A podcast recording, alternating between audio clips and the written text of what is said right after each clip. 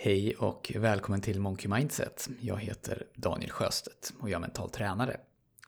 Du som prenumererar på mitt nyhetsbrev, du fick i förra veckan ett mail där jag skrev om glappet mellan nuläge och potential. Eller glappet mellan vårt levda liv och vårt olevda liv.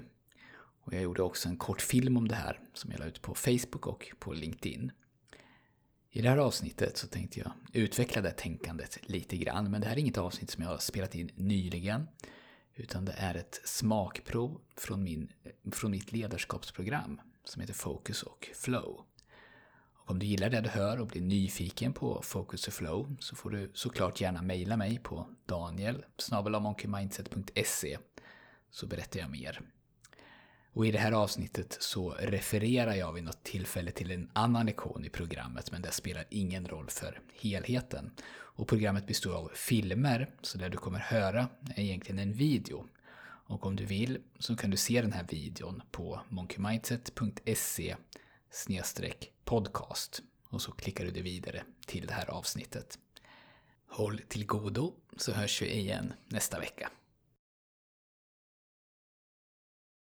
Välkommen! I den här lektionen kommer du att lära dig varför mening är viktigt och vad mening egentligen innebär. I boken The War of Art beskriver författaren Steven Pressfield hur vi har två liv. Dels det liv vi lever, men också vårt olevda liv. Och vårt olevda liv representerar vår potential, där gjorde vi allt som vi drömmer om men som inte riktigt vågar göra. Det vi tänker att vi borde göra eller det vi kanske skulle ha gjort om vi inte hade behövt att tänka på allt det praktiska. Eller alla hinder. Det vi hade gjort, om man ska vara lite krass, om vi inte hade varit så rädda. Lite förenklat, om vi hade levt vårt liv enligt den person som vi innerst inne är. Man kan också se det som så att vi har ett nuläge, där vi är nu, och så har vi ett önskat läge, där vi lever enligt den potential som vi har. Mellan nuläge och potential, eller mellan det här livet och vårt olevda liv, så finns ett mellanrum, ett, ett glapp. Och när vi känner att det glappet minskar, då mår vi bra. Då klarar vi hård arbetsbelastning. Då känner vi i hö högre utsträckning harmoni. Då känner vi oss i huvudsak positiva eftersom vi, vi är på rätt väg. Om det är tvärtom, om glappet mellan där vi är och där vi känner att vi kan vara ökar, då känner vi motsatsen till tillfredsställelse. Då är vi frustrerade. Då blir vi lättare stressade. Då känner vi att vi är ur balans.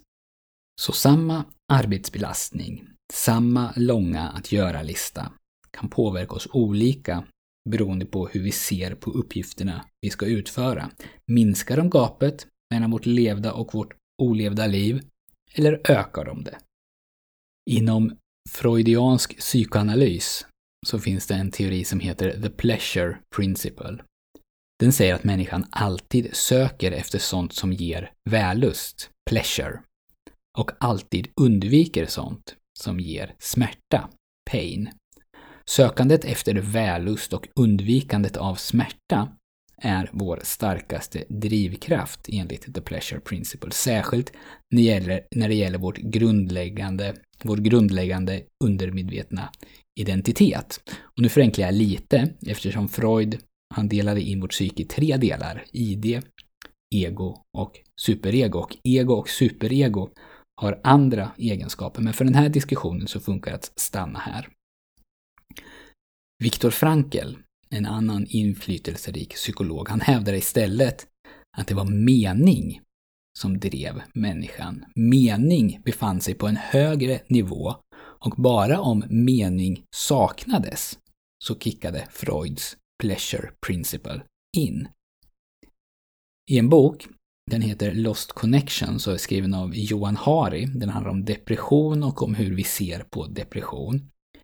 Där berättar författaren om ett experiment, ett, ett känt experiment med råttor, där man ger råttor valmöjligheten mellan två vattenflaskor. En flaska med bara vanligt vatten och en flaska som är spetsad med droger, oftast kokain eller heroin.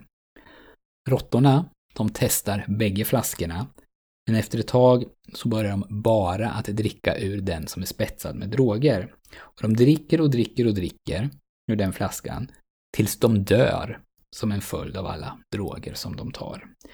Och det här är ett klassiskt experiment som har gjorts många gånger och i många olika varianter och de här experimenten gjordes redan i början på 1900-talet och möjligen till och med tidigare än så. Så i valet mellan ingenting särskilt vanligt vatten och pleasure, i det här fallet i form av droger, så väljer råttorna droger, trots att det dödar dem. Det är en stark, stark drivkraft, så där hade Freud rätt. Men på 70-talet så gjorde en professor i Vancouver i Kanada, han heter Bruce Alexander, han gjorde samma experiment men i en liten annan tappning. Han lät inte bara råttorna befinna sig i den tomma buren en och en med två olika vattenbehållare, utan han byggde vad han kallade för en Rat Park där det fanns gott om saker för råttorna att göra. Det fanns ost, det fanns andra råttor där att umgås med eller ha sex med. Och det fanns ställningar att klättra på i glada färger och så vidare. Han byggde ett lekland för råttor kan man säga, där råttorna levde ett med råttors mått mätt då, meningsfullt liv.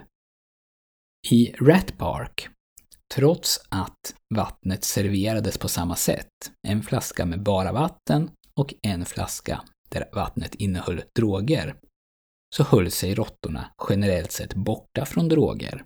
Ingen av råttorna blev beroende och ingen av råttorna dog av droganvändande.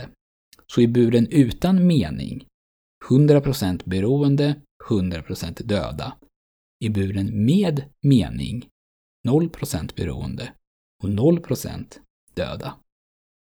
Abraham Maslow han anses som fadern av en gren inom psykologin som heter humanistisk psykologi. Och han var själv med och myntade det uttrycket på 60-talet. Maslow, han var inne på samma linje som Viktor Frankl, att människan är en meningssökande varelse.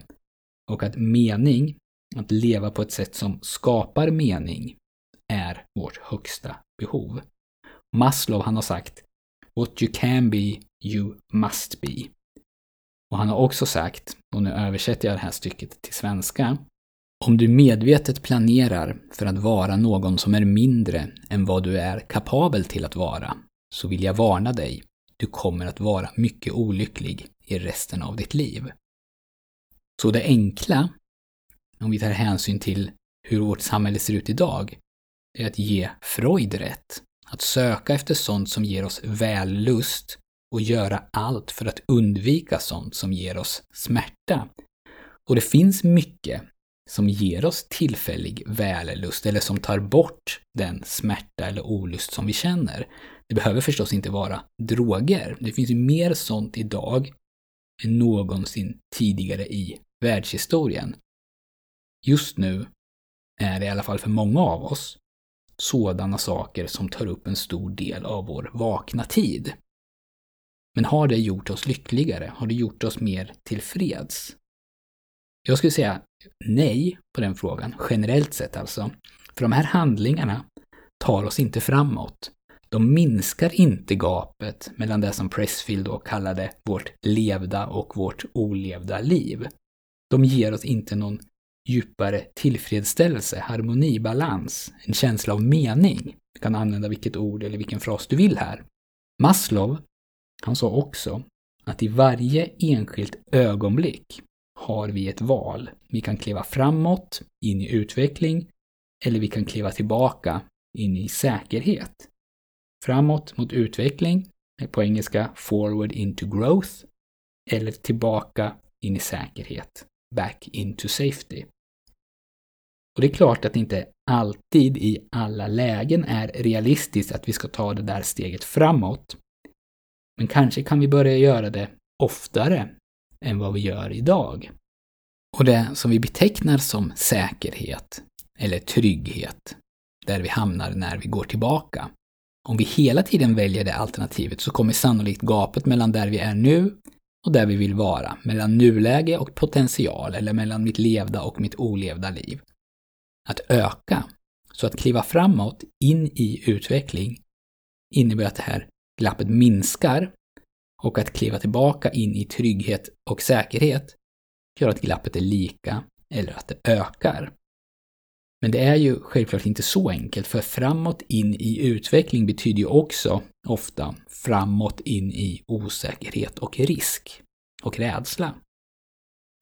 Men det är då, när vi tar de här stegen, trots att det är svårt, trots att vi är lite rädda och trots att vi tar en risk, som vi känner oss levande. Och det är en mäktig känsla. Så nu kommer 10 000 kronors frågan. Hur gör vi då det här? Jo, vi tar reda på hur vi har det och hur vi vill ha det. Vi försöker beskriva det så noga vi kan. Vi tillåter oss att drömma, att ta i, att inte censurera oss. Och vi tillåter oss också att ignorera den del av oss, vår kritiska röst, som hela tiden undrar hur andra skulle ha gjort, eller vad andra skulle ha sagt, eller vad andra skulle ha tyckt. Och så bygger vi ett system som sakta men säkert tar oss i rätt riktning.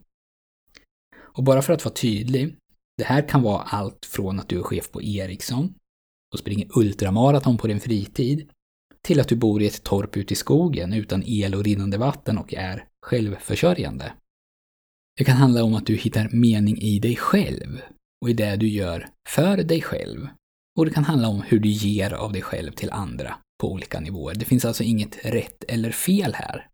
Och det kan ju också, förstås, vara att du gör det som du gör idag, fast bara med några saker tillagda eller några saker borttagna. Eller kanske bara med en annan känsla i kroppen. Och de här stegen, framåt in i utveckling eller bakåt in i säkerhet, kan ju till exempel innebära någonting så relativt banalt som att du beställer en sallad till lunch när du i vanliga fall beställer pizza. Om nu en bättre hälsa är någonting som minskar gapet mellan den du kan vara och den du är.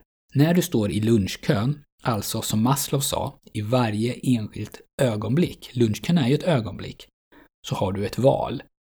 Du kan kliva framåt, in i utveckling, eller du kan kliva tillbaka, in i säkerhet. Och det är de här till synes små besluten som vi fattar hela tiden, som kommer att skapa helheten.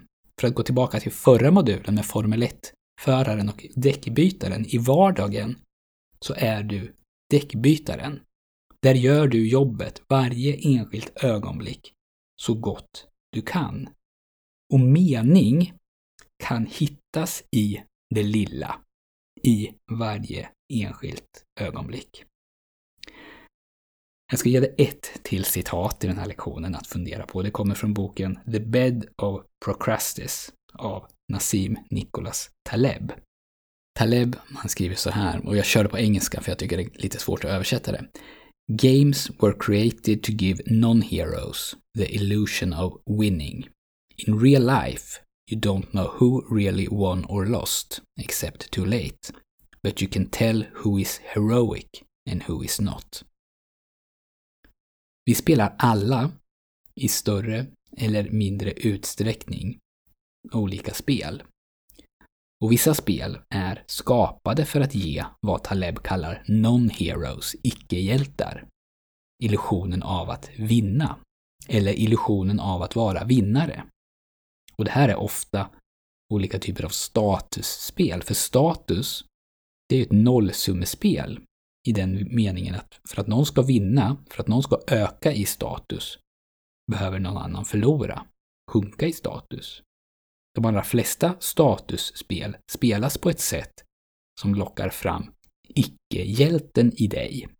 Där spelar du ett spel, ett påhittat spel, där vinsten bara är en illusion. Du spelar ett spel, om jag ska förtydliga, som tar mycket av din energi, som får dig att grubbla, känna dig otillräcklig, men där vinsten sällan eller aldrig är värd kostnaden för att nå dit. Det är ett spel som du inte kan vinna. Så sluta spela det spelet om du gör det.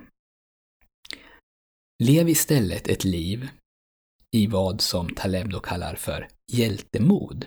Även om det bara är du själv som ser det hjältemodiga i dina handlingar. Om du gör det så gott du kan i varje enskilt ögonblick, då kommer du sakta men säkert att minska gapet mellan det liv du lever nu och det liv som är ditt olevda liv. Lycka till, så ses vi i nästa lektion.